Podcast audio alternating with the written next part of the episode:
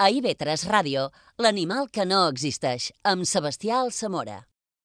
L'animal que no existeix és una mirada a la poesia de les Illes Balears dels darrers 25 anys.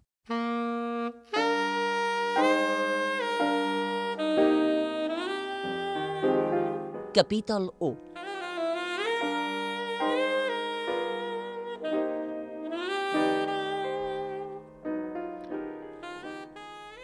I començam aquest primer capítol amb Margalida Pons, poeta i coordinadora del grup de recerca Literatura Contemporània, Estudis Teòrics i Comparatius de la UIB.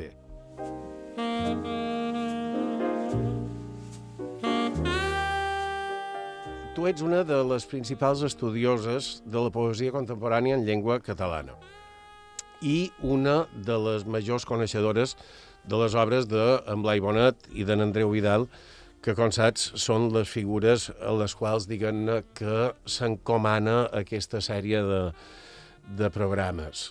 Eh, jo partesc d'una percepció que, que no sé si tu compartiries, i és que les seves obres, tant la d'en Blai com la d'en Andreu, han estat especialment influents per a molts dels poetes que han escrit i publicat en els darrers 25 anys per dir-ho així. Com, com ho veus? Creus que aquesta influència és certa, que, que s'ha produït?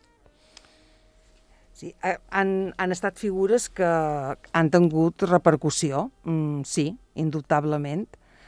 En Blai Bonet és el primer que fa una poètica corporal, molt abans que es parlàs de les poètiques del cos, i això vol dir parlar del seu propi cos i no només del seu cos jove. En Blai tenia un llibre titulat El jove, mm -hmm. eh, i s'ha repetit molt la seva passió pel jove com a construcció no només biològica, sinó també com a construcció simbòlica. Però a banda d'aquests joves, dels cossos joves, en Blai també s'interessava pels cossos vells, no? Mm, i, I els dignificava. No? Sí. O més ben dit, els representava d'una manera realista. No? I, I això mm, es veu sobretot en un llibre que li publicaren pòstumament, els sonets, uh, on té un sonet que comença dient «Som la vergonya, jo et vaig darrere, amb pèl blanc sí, sí. i greix on no n'hi hauria d'haver, una cosa així, no, no, no me'l sé de memòria, no?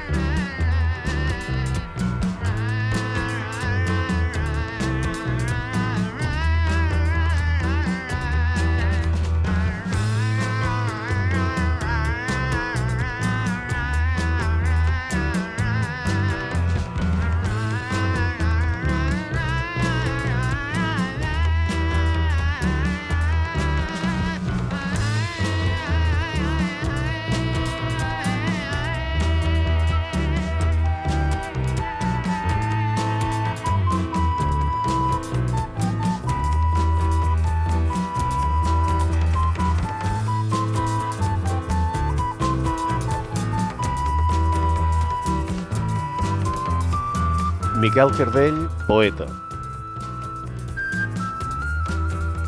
bon dia.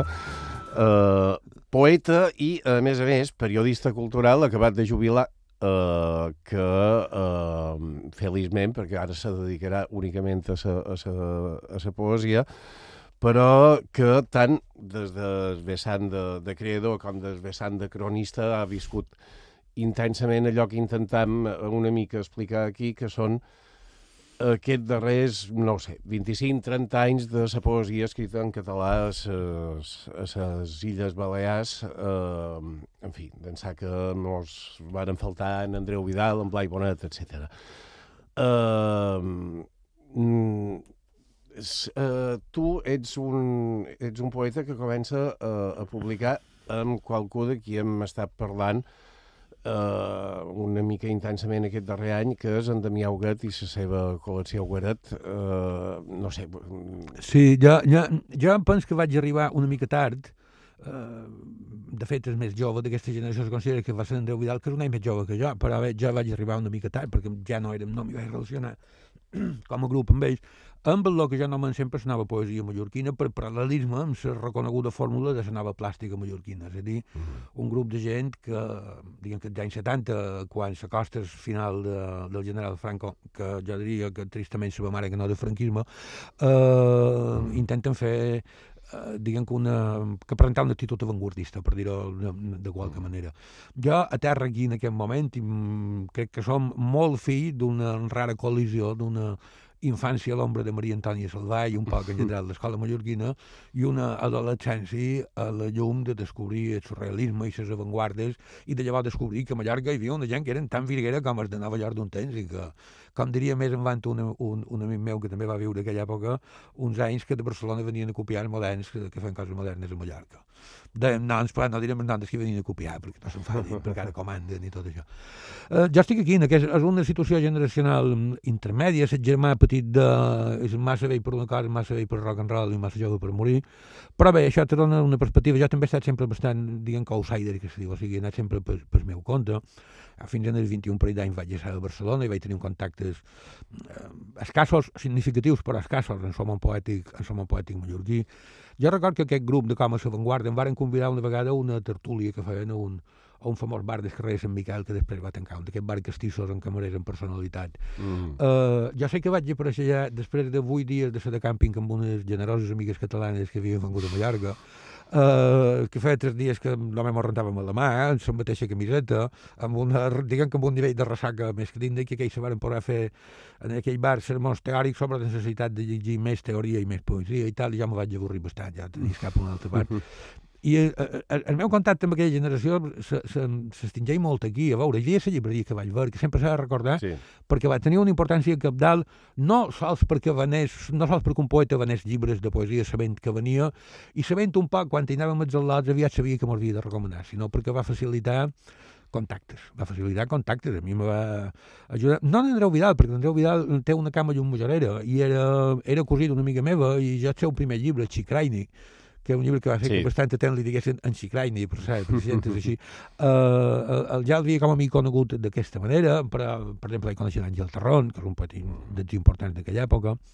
En, en Damià el vaig conèixer més per, per meu compte, va ser una iniciativa com a, com a personal, en Damià Huguet, sigui que no vaig tenir un contacte estricte, tot i que sí que vaig llegir bastant. O sigui, quan tens 14 o 15 anys, la mica d'actualitat de poesia que surt en aquell moment de la revista Lluc, o, o la mica que m'informaven els diaris, hi va haver fins i tot un parell de polèmiques, vaig conèixer eh, alguns autors que encara estan en actiu, perquè d'altres... Eh, D'aquella generació de la de la vanguardia setantera queda relativament poca gent activa, realment. Hi ha hagut sí. moltes desaparicions. Jo crec que el poeta més important era, eh, eh, era Damià Huguet, tot i que no era membre ortodox d'aquella generació ho era per dret, Uh, jo crec que va ser el poeta més important d'aquella generació, però, per exemple, en Josep Albertí, que era un poeta, la gran esperança blanca, fa molt d'any que, que va desaparèixer de, de, del mapa actiu. En queda de gent activa d'aquella generació, gent que s'han mantingut... El mateix Àngel Terron... Pot ser, el mateix Àngel Terron, que és un poeta que té una trajectòria molt individual, de totes sí. molt, molt personal, molt pròpia. Molt bon dia, Àngel. Bon dia. Indubtablement, eh, són d'estil molt diferents. Eh, en Blai Bonet és inimitable, però és meravellós, sempre. I en Andreu Vidal, doncs, bàsicament, la seva gran innovació és que ha passat en català eh, la manera d'escriure dels expressionistes eh, alemans, és dir, com en Tracker, eh, malament fos eh, austriac, en Haim, etc.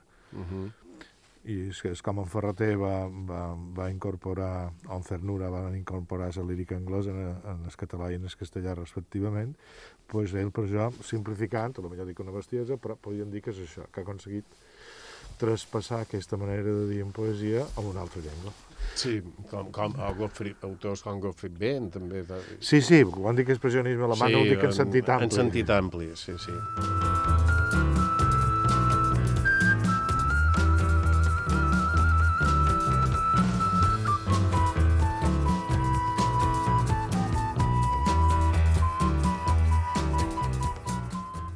Lucia Pietrelli, poeta.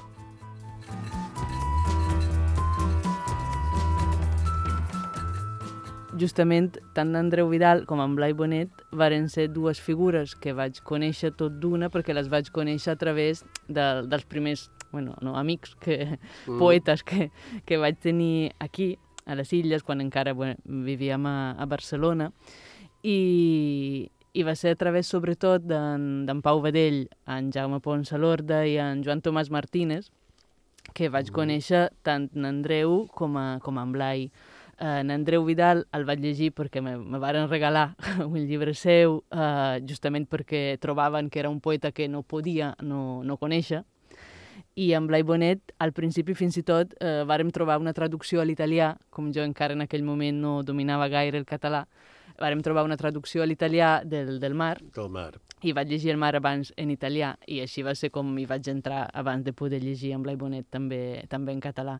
Així que crec que sí que és vera que són dues figures que el, el, han influït no, molt en aquesta, també no, en la meva generació, perquè justament ells no, varen trobar que eren els dos poetes que jo havia de conèixer, tot d'una. Mm. Jaume C. Pons a l'Orda, poeta. Absolutament. Jo m'atreviria a dir que deuen ser les dues columnes més importants, tant en Blai Bonet com l'Andreu Vidal, des de dues poètiques molt diferenciades, però al mateix temps jo crec que complementàries, han marcat algunes de les tendències de la poesia catalana d'ara a les Illes Balears i, i més enllà també en tots els països catalans. M'atreviria a dir que encara que no siguin astres tan grossos com aquests dos, de qualque manera en Damià Huguet i en Miquel Boussà jo crec que també han tingut qualque cosa a veure amb aquest desplaçament eh, poètic tan important dels darrers anys. Però jo m'atreviria a dir que eh, els dos sols més importants, en efecte, són Andreu Vidal i Blai Bonant.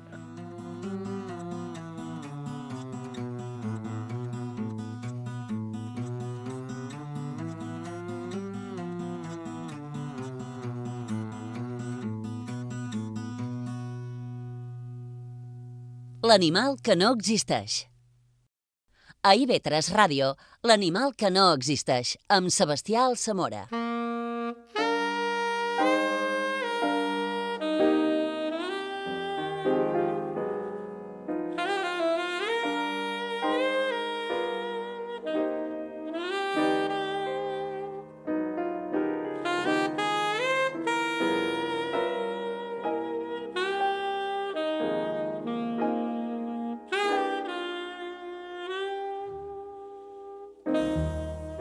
Manent Auguet llegeix Damià Auguet. Lligam tots els camins i les terres llaurades, en la sal de la mà i el perfum de les pletes. Els carrers del Poblets i els puig color de cendra, on la lluna i els estels mai no ens donen l'esquena. Converses de carrer i emblanquinats que suren damunt parets de pam que fan crosta amb el sol. Sense pressa ens indiquen la solitud que tasten – el cor d'aquests espais que entrescaten les ungles és un mag sense nom, un pot tacat de terra, que rodola fa segles, empès pels vents que signen la mar que mai no fuig i el rocam de les illes, fent sol per allà on passa, sense obrir cap finestra, com la veu dels sembrats, que cada primavera treuen ulls al cap, al cel, no reculant ni un bloc. Però, per exemple, en Lluís Maiques, uh, uh -huh. en, en Joan Prelló, que és un home que a base sí. de ser fidel ell mateix ha vestit una trajectòria que a la llarga s'ha acabat reconeguent molt. Ja, en Joan entenc, uh, va, va ser el primer poeta que, que ja vaig conèixer, el primer de tots. Uh, allà, que no, home, aquella dona, ai, ai, ai, ai, aquella dona que dus cabell curts, uh, que fa molta, que practica molt aquestes Antonina Canyelles. Uh -huh. Fos que, i llavors d'aquella generació ha hagut la sorpresa tardana d'aquesta adolescent poètica que és d'Antònia Vicenç, que era una dona de la generació dels sí. novel·listes, que de gran fa una poesia amb, autèntica personalitat i autènticament potent. Una poesia que a mi me recorda molt, d'altra banda, algun dels seus grans personatges femenins, d'aquests personatges, mm. d'aquestes dones tocades per qualque llamp i per qualque malvestat de sa vida, o per qualque malaltia, o per qualque deliri. A mi me recorda molt aquesta aquesta poesia amb, amb pura carn viva, amb, mm. sense, sense gent de pell.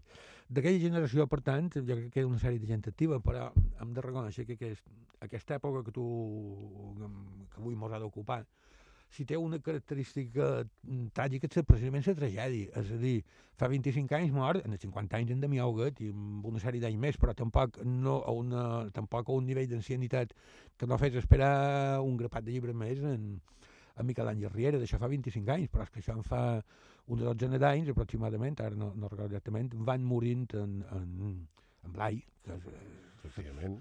un dels grans eh, arbres individuals Mm, mm. de, de la poesia i de la, i de la paraula a Mallorca. Mort Andreu Vidal, que és una de les grans eh, promes innovadores, el gran nervalià de la nostra literatura. Uh, però que també pot després mort en Tomeu Fiol, una edat uh, no infantil, però encara jove, encara, encara en plena maduresa creativa. Aquells en eh, els anys 90 i en Tomeu Fiol l'any 2010 o 11. Sí, sí, sí. Ara no sé si va ser el 10 o 11. També va ser l'estiu, I- va ser l'estiu de ple, també. Sí, Eh, i- fa una i- colorada. Els estius són fatídics. I, i Eh, efectivament, en, en, en Tomeu Fiol devia tenir uns Que són 70, gent- són 72, gent que 70 de- i pocs. que a més, eh, com abans havia mort allò, perquè a més d'una altra manera, cadascun de la seva manera, tots aquests eh, morts essencials, eren gent que tenien una altra categoria que no se reconeix molt i que és importantíssima, que és exercir un cert nivell de mestratge. Exacte. Cadascun de la seva manera, però mm, jo en el meu cas sí li he d'agrair moltíssim en Fiol la correspondència que varen mantenir, ses, la, la paciència de sant que tenia per fer primeres lectures quan jo tenia un llibre prou avançat per començar a pensar en Camarló, que te responien cartes meticuloses amb un comentari general i tot un seguit de, Exhaustives i de, minucioses. de versos, de dubtes, i si te li havia agradat, te que li havia agradat, i si no te li havia agradat, te que no li També, havia agradat. sí, sí, sí. I que no, això no m'agrada molt perquè, perquè és massa àtic, que aquestes Sí. coses el tenia i és exactament, pens jo, jo penso que la poesia és una feina solitària, per molt que hi hagi generacions, sobretot quan tu a la joventut, quan ets un jove batidor de 8 o 20 anys i t'enfiles damunt taules de bars a pegar crits, puntura no tant, Mm. eh, però és una feina que a la llarga és una feina solitària i per tant és una feina de navegant en la boira, de navegant en la nit i te vas guiant per ecos i per intuïcions i per, i per la tradició i per tal, i a un moment donat és molt útil tenir qualcú que no et son pare dels poemes, que, només veu el text i que te doni un... I que se preocupa per tu. En, en Tomeu Fiol era una persona que se era, preocupava. era tantíssim, era tantíssim, Eh, era molt, esa- molt amable i educat. d'un- d'una, sí, sí, una amabilitat extraordinària i se preocupava dels poemes, però també del poeta. Eh, i segons que llegia, eh, eh, Sí, ho sí, te- interpretava en clau personal, i què te passa? I, i això era, era magnífic.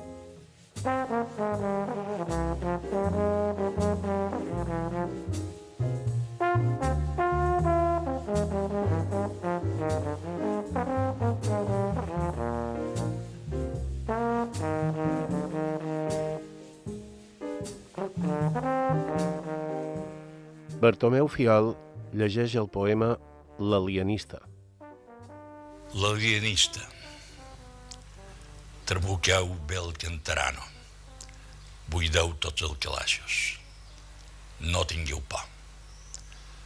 En paper de vidre netegeu el verdet dels ossos. No tingueu por.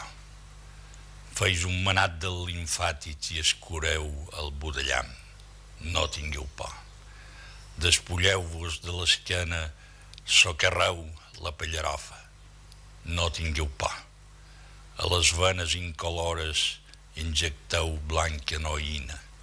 No tingueu por. Per fer-vos una guitarra empreu els feixos neuràlgics. No tingueu por. Fumigueu bé la memòria i esteneu-la al sol i al vent. No tingueu por. Oratgeu tots els llecs vells i gereu-ne les butxaques. No tingueu por. Ventileu cambrons i cambres. Obriu portes i finestres. No tingueu por. No tingueu por més que a la por. No tingueu por ni a la por. Sobretot, no tingueu por. Eh, Efectivament, jo també te, te volia preguntar per, per en Damià Huguet i per, i per Miquel Bausà, que són eh, personatges eh, que també crec que, que són determinants i encara, mm, més que personatges, haurien de parlar d'autors, i encara eh, hi afegiria més, eh, no tant per, un, per una capacitat de, d'influència, però sí per la importància de la seva obra en Bartomeu Fiol. No sé com, Sí. com ho veuries. Mm? Sí, de fet, en Bartomeu Fiola és, és un cas interessantíssim perquè ja m'atreviria a dir que és un dels poetes més rars, més excepcionals, més curiosos i sobretot més sorprenents que han canviat la manera d'entendre la poesia que hem pogut veure mai. I la seva mort jo crec que estat molt trista, no només perquè era una persona d'una gran generositat que des de les seves columnes setmanals era capaç de llegir estils molt diferenciats dels seus i apreciar-los i defensar-los amb molt bones paraules, sinó que també han perdut una veu molt genuïna a més a més, llegir en Bartomeu Fiol és com llegir una miqueta en Joan Brossa, que fa entendre que la poesia se pot allunyar dels camins més visitats i dels camins més trillats. En el mateix temps tenim altres referents vius. A mi m'agrada moltíssim defensar un mestre de la generació anys 70 com és l'Àngel Torron i m'atreviria a dir que també hi ha dues dones que són molt importants per les nostres lletres, eh, sobretot en els darrers anys per influència, per reconeixement i sobretot per obres valuosíssimes com són l'Antònia Vicenç i l'Antonina Canyelles, que al mateix temps han donat un boom a la poesia escrita per dones i ha donat una gran visibilitat. I, i això crec que ha de ser una cosa que ens emocioni i ens doni molt bones perspectives, perquè sí que és vera que hem viscut uns anys de crisi i ara amb la pandèmia la cosa encara s'ha eh, complicat més, però eh, el nivell poètic que tenim no només a les Illes Balears sinó també als països catalans no té res a envejar a cap poètica ni d'Europa ni de la resta del món. Efectivament. I, uh, uh, mira, justament uh, parlant amb uh, Margalida Pons, ella uh, subratllava també uh, els noms d'Antònia Vicenç i d'Antonina Canyelles, i diu com a autores del segle XXI, que, que de fet sí. ho són. És a dir, ella sí. són, són poetes joves, és a dir, tal vegada no, no tan biològicament, eh, tot i que això sempre ho poden discutir, eh, però la seva, diguem eclosió com a autores se, se produeix recentment, no? i són plenament de segle XXI. Absolutament de segle XXI. Hem de pensar que en Antoni Vicenç eh, treu el seu primer llibre de poemes, Lovely, l'any 2009, uh -huh. i, només, i només en 10 anys ha aconseguit un estatus absolutament imprescindible i ara mateix és un dels mans fonamentals de la poesia d'ara. A més a més, amb una trajectòria totalment inversa a la que sol ser canònica perquè normalment una persona comença fent eh, versos o llibres de poemes i després se passa a la novel·la, el que abans els crítics consideraven que era el gènere major, i en canvi en Antoni Vicenç ha anat depurant i ha passat de construir grans novel·les, com algunes emblemàtiques, com 39 graus a l'ombra, com Lluny del tren, com Gelat de Maduixa i tantes altres, i ha anat dosificant, ha anat liquant i ha anat convertint aquest gran material novel·lístic en uns poemes absolutament brutals i ara mateix jo m'atreviria a dir que ha estat la poesia la que ha fet que hagi aconseguit més reconeixement que amb el gènere que, que alguns anomenen major.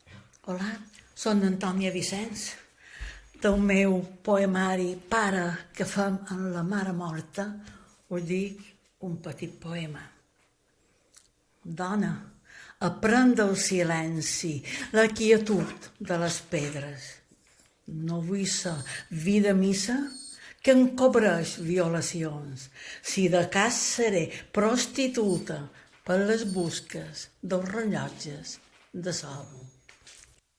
Ara m'agradaria dir-vos un poema de, de Maria Antònia Salvà, quan jo era nina, que col·leccionava paraules al meu poble de Santanyí, no sabia que a 25 quilòmetres, a Llum Major, hi havia una senyora que les brodava les paraules.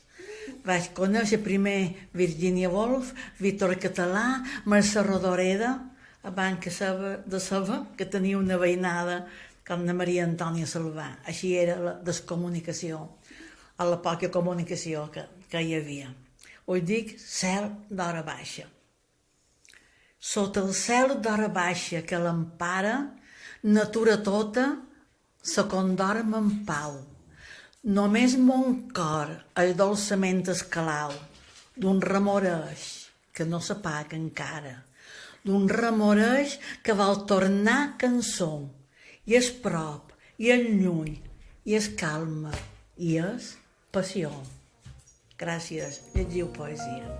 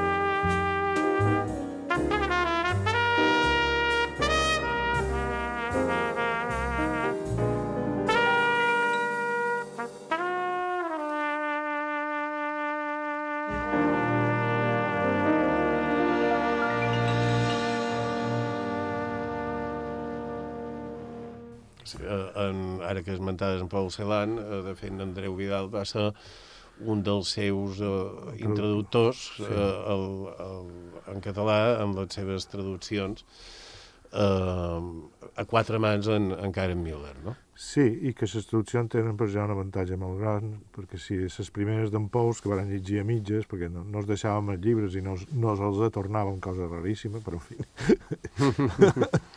uh, ell pues, va, va traduir a, a la sintaxis catalana. No, no va voler fer coses que l'alemany pot fer i el català no pot fer. Mm. I jo crec que és un gran encert perquè li dona més claredat i més potència a la traducció. Efectivament, jo crec que de vegades en, en Celan se produeix una mica aquest eh, conflicte d'intentar traslladar sí. els seus diguem-ne... La manera de fer paraules de l'alemany, que clar, la llengua romànica no la tenen. Efectivament, efectivament. Uh, és inevitable i és, uh, en fi, uh, feliç recordar que tu i n'Andreu Vidal, uh, a banda de bons amics, vareu ser els impulsors d'una de les iniciatives editorials que amb el temps, eh, en fi, han cobrat un major valor i prestigi a dins la, la poesia catalana de les últimes dècades, que va ser la col·lecció Tafal, i si ens, sí. ens pots parlar. I per aquí podria posar una postilla, eh, Andreu i jo, tot els temps, etc. Però varen començar amb Andreu Cloquell, que uh mhm. -huh. va morir ara fa 41 anys, i eh, en Joan Mas i Vives, eh, que nos va sí. seguir una temporada i que sempre va fer de corrector oficial de la col·lecció. Uh -huh. uh, vull dir que són quatre persones eh, dins eh, el mite popular només són altres dos, però no... no eh, sempre vull recordar aquests dos que també hi van ser. Mm, I tant. I, és a dir, si, si no pots explicar una mica perquè... Primer, eh, eh, com se va produir i després com eh, aquesta ressonància sostinguda i creixent que ha tingut en el temps. No? Bé, lo darrer no t'ho sé explicar. Lo primer sí.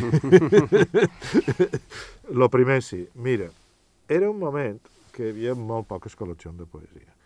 Hi havia la col·lecció de Balanguera, que la dirigia en Llompart, de manera magistral en tot el que se refereix a la seva generació. Uh -huh. Però en l'excepció d'en Pere Golmila, Uh, no, no, no sé per què, mm, i en Damià Huguet, uh, varen deixar d'incorporar gent jove. Varen com, convocar el Premi Illes d'Os, que el va guanyar en Joan Parelló i en Damià Huguet, perfecte, varen anar a la Balanguera, però a partir d'aquí se, se va aturar. No, mai he entès per què. I jo després vaig ser molt amic d'en Joan Part i veig que tampoc es que hi hagués una, una acció premeditada. I aleshores, mm, fruit d'aquesta no possibilitat de, d'edició, mm, diríem, dins de col·lecció estàndard, eh, eh, diríem, va néixer de meu gat eh, fa la seva col·lecció, que no és el nom. Guaret. Guaret, mm. i eh, nosaltres feim Tafal. A un moment donat intentàvem unificar forces, però que cada, cada pala aguanta su vela és molt difícil, uh. -huh. i començam amb un llibre meu i un llibre seu, i després el llibre Palma 9 quilòmetres, a partir d'aquí se produeix la mort de l'Andreu i decidim si tancam o no tancam, vam decidir continuar. I van continuar fins 12 números, eh, tenint en compte que jo era professor ajudant de la universitat i ell era ratxaire, el feliç delineant, mm -hmm, perquè el deia sí. ratxaire, que és una paraula d'en Andreu, que hi ha gent que me l'atribueix, dic no, és un invent d'en Andreu, i vull dir que entre tot 2.000 euros per, per, per, per cap. I vàrem fer aquesta col·lecció que ens va costar el que costa un, un BMW de la sèrie 3. Vull dir que la cultura és barata, si se vol. I van tenir dues coses molt, molt clares. Eh, tenien dues màximes. Primer, la llengua és una, i per això vam meditar amb Pep Piera, Vicenç Altaió, etc. Dues, eh, nosaltres intentaríem escriure millor que en Ties Eliot o en Paul Celan. Mm -hmm. I a partir d'aquí, mm, eh, la tria de llibres era molt complicada, perquè tenien que tenir unanimitat, i en Joan Mas i Vives a partir d'un moment donat no nos va suportar pus, perquè després de proposar cinc o sis llibres no li passaven ni un, i, i bé, van fer 12 llibres, eh, no es quedava Les l'òptic d'en Lluís Juncosa, que l'ha publicat fa poc amb un altre títol, i va arribar un moment que jo tenia que preparar les oposicions de professor titular, me tenia que anar a l'estranger, l'Imperial College, etc, vull dir, circumstàncies, i sobretot que en aquell moment el, el, el, el grup va canviar i d'aquesta poesia densa, que no s'entén, ho dic en broma, uh, que no ens agrada a nosaltres, pues va passar una poesia que li diuen de l'experiència. Però, clar, un poesia de l'experiència que no era ni Hildebrand, ni Ferrater, ni Paco Brines, sinó que era una cosa pues, com un poema famós que un se'n va en, a, a, en avió a un congrés de senats. tu saps el nom, però... Antonina Canyelles, al bar original de Barcelona, 5 de març de 2014. Antonina, que acabem de començar. Jo té un poema molt curt.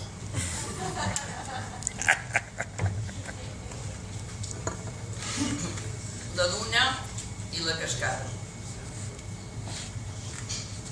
La música de les paraules, l'home dividit, la dona dividida, la tirania consentida dels infants, les olors inventades dels perfums, els piròmens del llenguatge, els colors químics, la silicona, el vidre que no és vidre, els plàstics, els cercadors, els trobadors, els perdedors, corones de llorer, d'olivera, d'espines sense el peix, les perles d'aigua dolça, els herbicides, els freticides, els insecticides, els espermicides, el marbre sintètic, els vidents, les drogues perilloses, les piscifactories, les rectories, les tutories, les conselleries, els venedors i les venedores d'orgasmes, els compradors i les compradores d'orgasmes, els efectes secundaris dels medicaments, l'enveja, heretada o adquirida, les paral·leles, sempre en cerca i captura,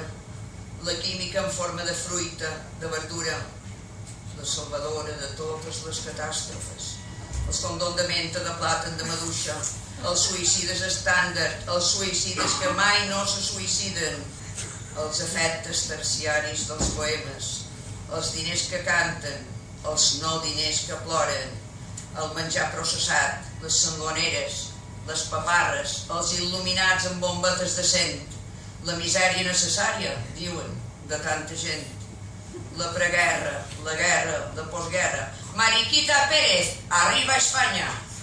El jardí d'infància sense terra ni herba. Menjar, beure, cagar, pixar, follar, parar, parir, plorar, callar. Tanques, parets, barreres, muralles, esglésies i escoles com presons, hòstia pura, hòstia santa, hòstia immaculada, hòstia puta que t'afaites el perrús per ser més blanca.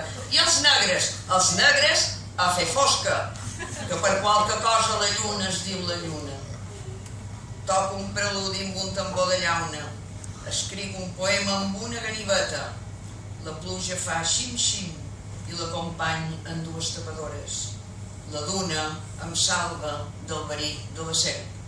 La cascada només sap fer el salt del tigre. Moltes gràcies. L'animal que no existeix, amb Sebastià Alsamora. L'animal que no existeix. Blai Bonet, Déu company. Jo som el vostre que bava. El meu clamor és una saliva amarga. Des del llim de la terra, la meva veu com un colomí, com un colom de mar ferit pels caçadors. Les meves mans no han cantat. Estic a la fosca com un munt de baleis. I la meva memòria, cruix, com una garba d'aritges. Jo no he tret espiga, només herba, senyor. Tacant com un marge ple d'escanya rossins. Però en la meva soca desficiosa pel bany riquer, de cada aurora, de cada dia, de cada lluna, és més alta la flama vibrant del vostre amor, que ara és el meu amor, Senyor. Les meves malures brillen com a rans fosforescents de cibada, i és l'amor damunt el meu front, com un batall joveníssim. I vos, Senyor, vora els meus ossos incendiats, vora la meva carn, agra com un pa florit, estau com un ca fidel, llepant-me aquestes nafres que en la seva claror canten la misericòrdia de la vostra saliva.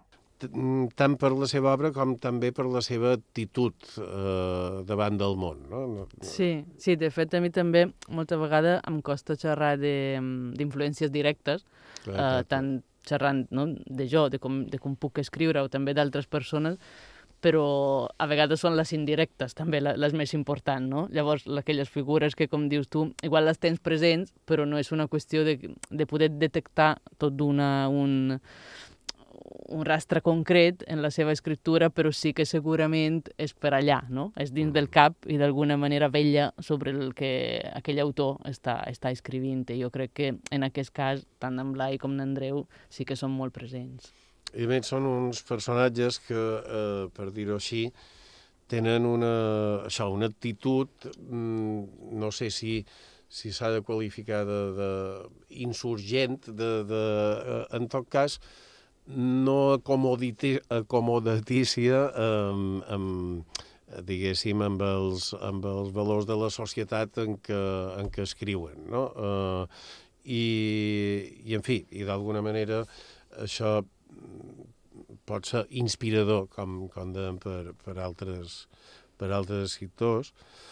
Mm, hi ha una cosa curiosa dins la literatura catalana, eh, pel que fa això dels referents, que no sé si passa també a l'italiana, per exemple, però sembla com si els referents anessin una mica per comunitats autònomes, que és una cosa curiosa. No? És, dir, és com si a Balears en fossin uns, en el Principat uns altres i en el. País Valencià encara uns altres. No?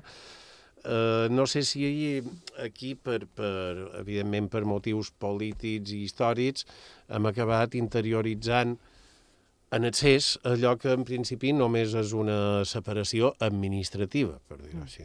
No? Pot ser, sí. Jo, clar, jo com he vist... Jo vaig viure un parell d'anys a Barcelona, però després, ara ja em fa vuit que visc aquí. I, i clar, al final, vulguis o no, és com dius tu, no? Acabes mm, rebent eh, que el lloc te dona, no? El lloc on tu, on tu estàs. I clar, jo mm, al final som de Mallorca, que diríem, no? De, entre les, les diverses possibilitats que, que hi ha. Però sí que és curiós aquesta manera, que és vera, no? que cada territori pareix, eh, sobretot, mm, voler reivindicar sempre les mateixes figures, mm. que jo a vegades trobo que pot estar bé, però a vegades també és un pecat de sí. oblidar-ne moltes altres, no? A Itàlia no sé ben bé què passa, és que jo mm, vaig deixar Itàlia quan en tenia, quan tenia 20 anys, Llavors, quan començava més a interessar-me en tot això, va ser quan en realitat me'n me vaig anar. Però... Però, però no, no m'imagino, però a lo millor vaig molt equivocat, eh? jo que sé, els sicilians eh, parlant només de Pirandello, no? Eh, ja, ja. O, els, els, els, no sé, en fi, cadascú el sí, seu, sí, no? Sí, per sí. dir-ho així.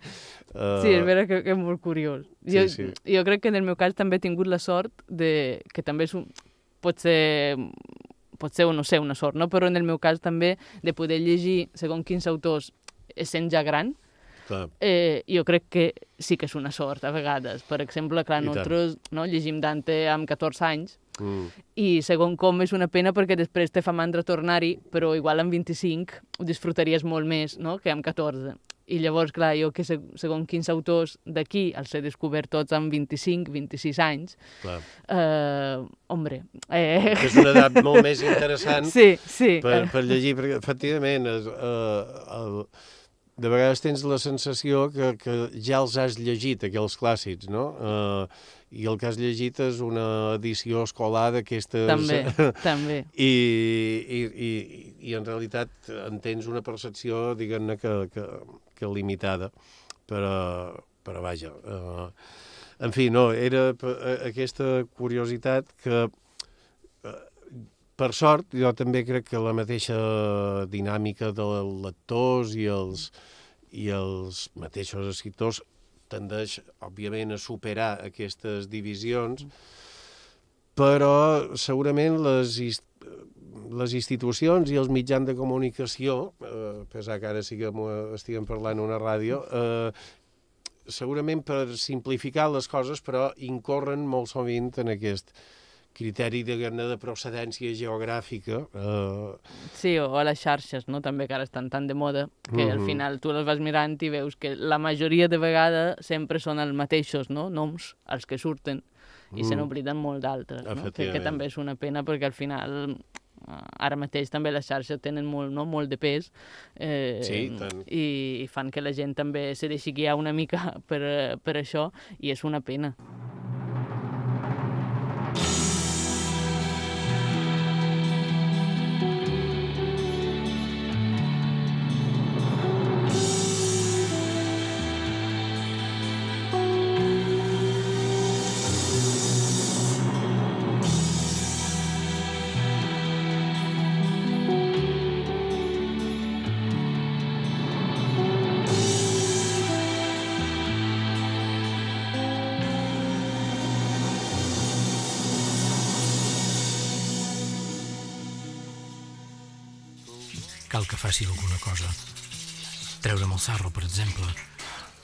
Treure aquesta brutó de les dents costa.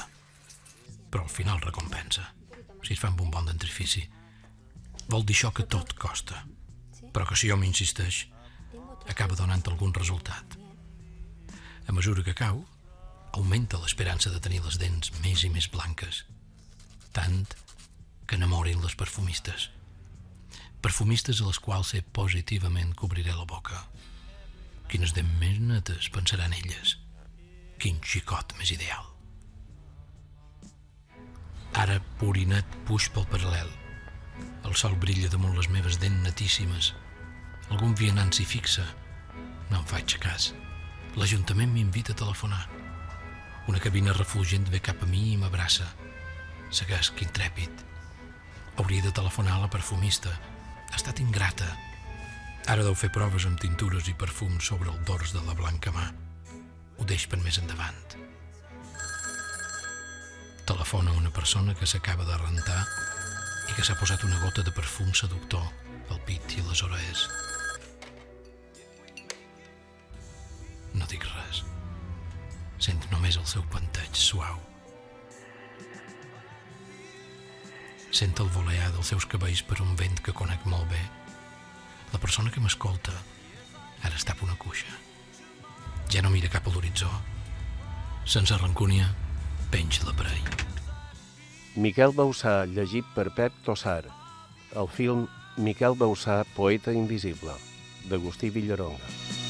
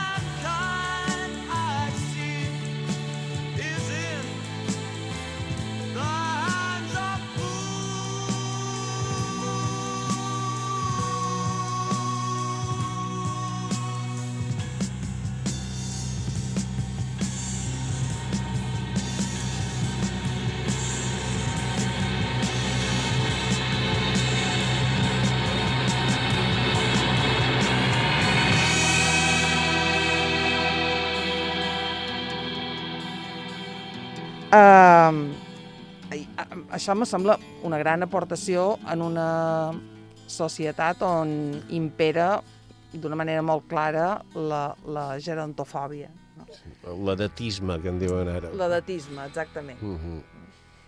I, i bé, i a més d'aquesta poètica corporal, diria que Blai Bonat és el primer textualista. Això vol dir, el primer que entén que el poema eh, o la novel·la o el text no és, no és únicament un receptacle de, de continguts, sinó que també és un escenari de llenguatge. No? M'agrada un poc aquesta idea de l'escriptura com a escenari de llenguatge. El llenguatge eh, parla per ell mateix independentment d'allò que digui o d'allò que comuniqui. I tot això, aquesta idea de corporalitat i aquesta idea textualista que llança a Blai Bonet se recupera d'una manera molt explícita en les poètiques dels anys 70 i en les poètiques posteriors. I l'altre autor que esmentes, mm, Andreu Vidal, és una figura que ha tingut una repercussió diferent. Si en el cas de Blai Bonat eh, es pot llegir des de allò que podríem anomenar nous materialismes, no? aquesta atenció a tot allò tangible, eh, la poesia de- d'Andreu Vidal diria que és més una poesia de, de l'abstracció, una poesia més, més vertical, que, i quan dic una poesia vertical, una poesia de l'abstracció, me refereix al fet que Andreu Vidal rarament parla de garrovers, com sí que parla Blai Bonet, parla d'arbres, simplement, no? Mm. O no parla de caderneres, parla d'ocells, no? I, clar, això aconsegueix mm, situar la poesia en un lloc, en un espai que és a la vegada determinat i indeterminat. No? Determinat perquè sempre s'hi filtren inevitablement coses de la seva vida, però també indeterminat perquè fa una sèrie d'al·lusions que no s'acaben de, de concretar. No? Eh, parla de mites, parla de criatures inexistents, com, un poc com el títol de la teva sèrie, L'animal que no existeix. Que li hem no? manllevat eh, eh, de, del títol d'un dels seus llibres, no? Exactament, no? I, i, i en, aquest, en aquest sentit, pel fet d'estar en aquest estadi determinat i a la vegada indeterminat, diria que, que l'escriptura d'Andreu Vidal és una escriptura llindar, no? Eh, són dos autors que segueixen camins diferents, però que tots dos aconsegueixen superar el romanticisme simbolista, no? Sí. o la visió romàntica del simbolisme, que ha estat una de les herències més enquistades de la tradició poètica catalana, possiblement junt amb, el, amb els rastres del noucentisme. No? En, en aquest sentit, diries que en Blai va més enllà, diguéssim, que d'altres companys seus de generació, que és una generació que tu ten, has estudiat molt profundament, no? més enllà que, que Llompart, o que Vidal Alcover, o que Villan Gómez, que potser sí que eh, se mantenen més propers eh, en, aquest, en aquest simbolisme, no ho sé. I, i, i que Andreu Vidal mm, ja, per dir-ho així, funciona per si sol, seria com un, un autor eh, diguéssim, no adscrit a, un, a cap grup concret, sinó que és, és una individualitat. És, és difícil agrupar els autors. A primera vista diria que sí, que Blai Bonet se separa dels seus companys cronològics, diguem-ho Mm. així, uh, però també hem de tenir en compte que no és únicament la, la distància, no la podem mesurar únicament per allò que un poeta ha escrit, sinó també per com se l'ha llegit. I crec que Blai Bonet ha tingut lectures molt diverses, des de punts de vista molt, diferent, molt diferents, des de la lectura més mm, comparativa, que ha prestat atenció a, a la relació entre escriptura i art, a la, a la lectura biografista, Mm. o una lectura més, mm, això, més, més de context històric, o la lectura psicoanalítica també. I, en canvi, altres autors no han tingut aquesta diversitat de lectures. Per tant, la diferència és en els textos, evidentment, però també és en la fortuna crítica que han tingut aquests textos. Llorenç Mollà, per exemple, que és un poeta que reivindicava Miquel Bausà, que reivindica Àngel Tarrón, Sí. una mirada a la poesia, a l'obra poètica o a l'escriptura en general de Llorenç Mollà des d'aquest punt de vista textualista també seria molt interessant perquè és un autor que, diguéssim, s'embriaga amb el llenguatge, no? Sí. I, per tant, fa que el llenguatge no sigui, com deia abans, només contenidor de missatges, sinó que tingui una autonomia, no? una autosuficiència. I es podria mirar, Llorenç Mollà, o remirar per aquí. Andreu Vidal, Diàlegs dels morts. Ara que dorm el sol dins l'oceà, mira les flors cobertes de rosada. Són d'un negre viu, brillant, fèrtil, com si la nit tingués amb dos estrens un mateix rostre. Dins cada gota d'aigua hi ha una lluna petita. Veus? Són com ulls que tremolen. Totes les coses del món tremolen. Algunes, de tan fremir, apenes existeixen.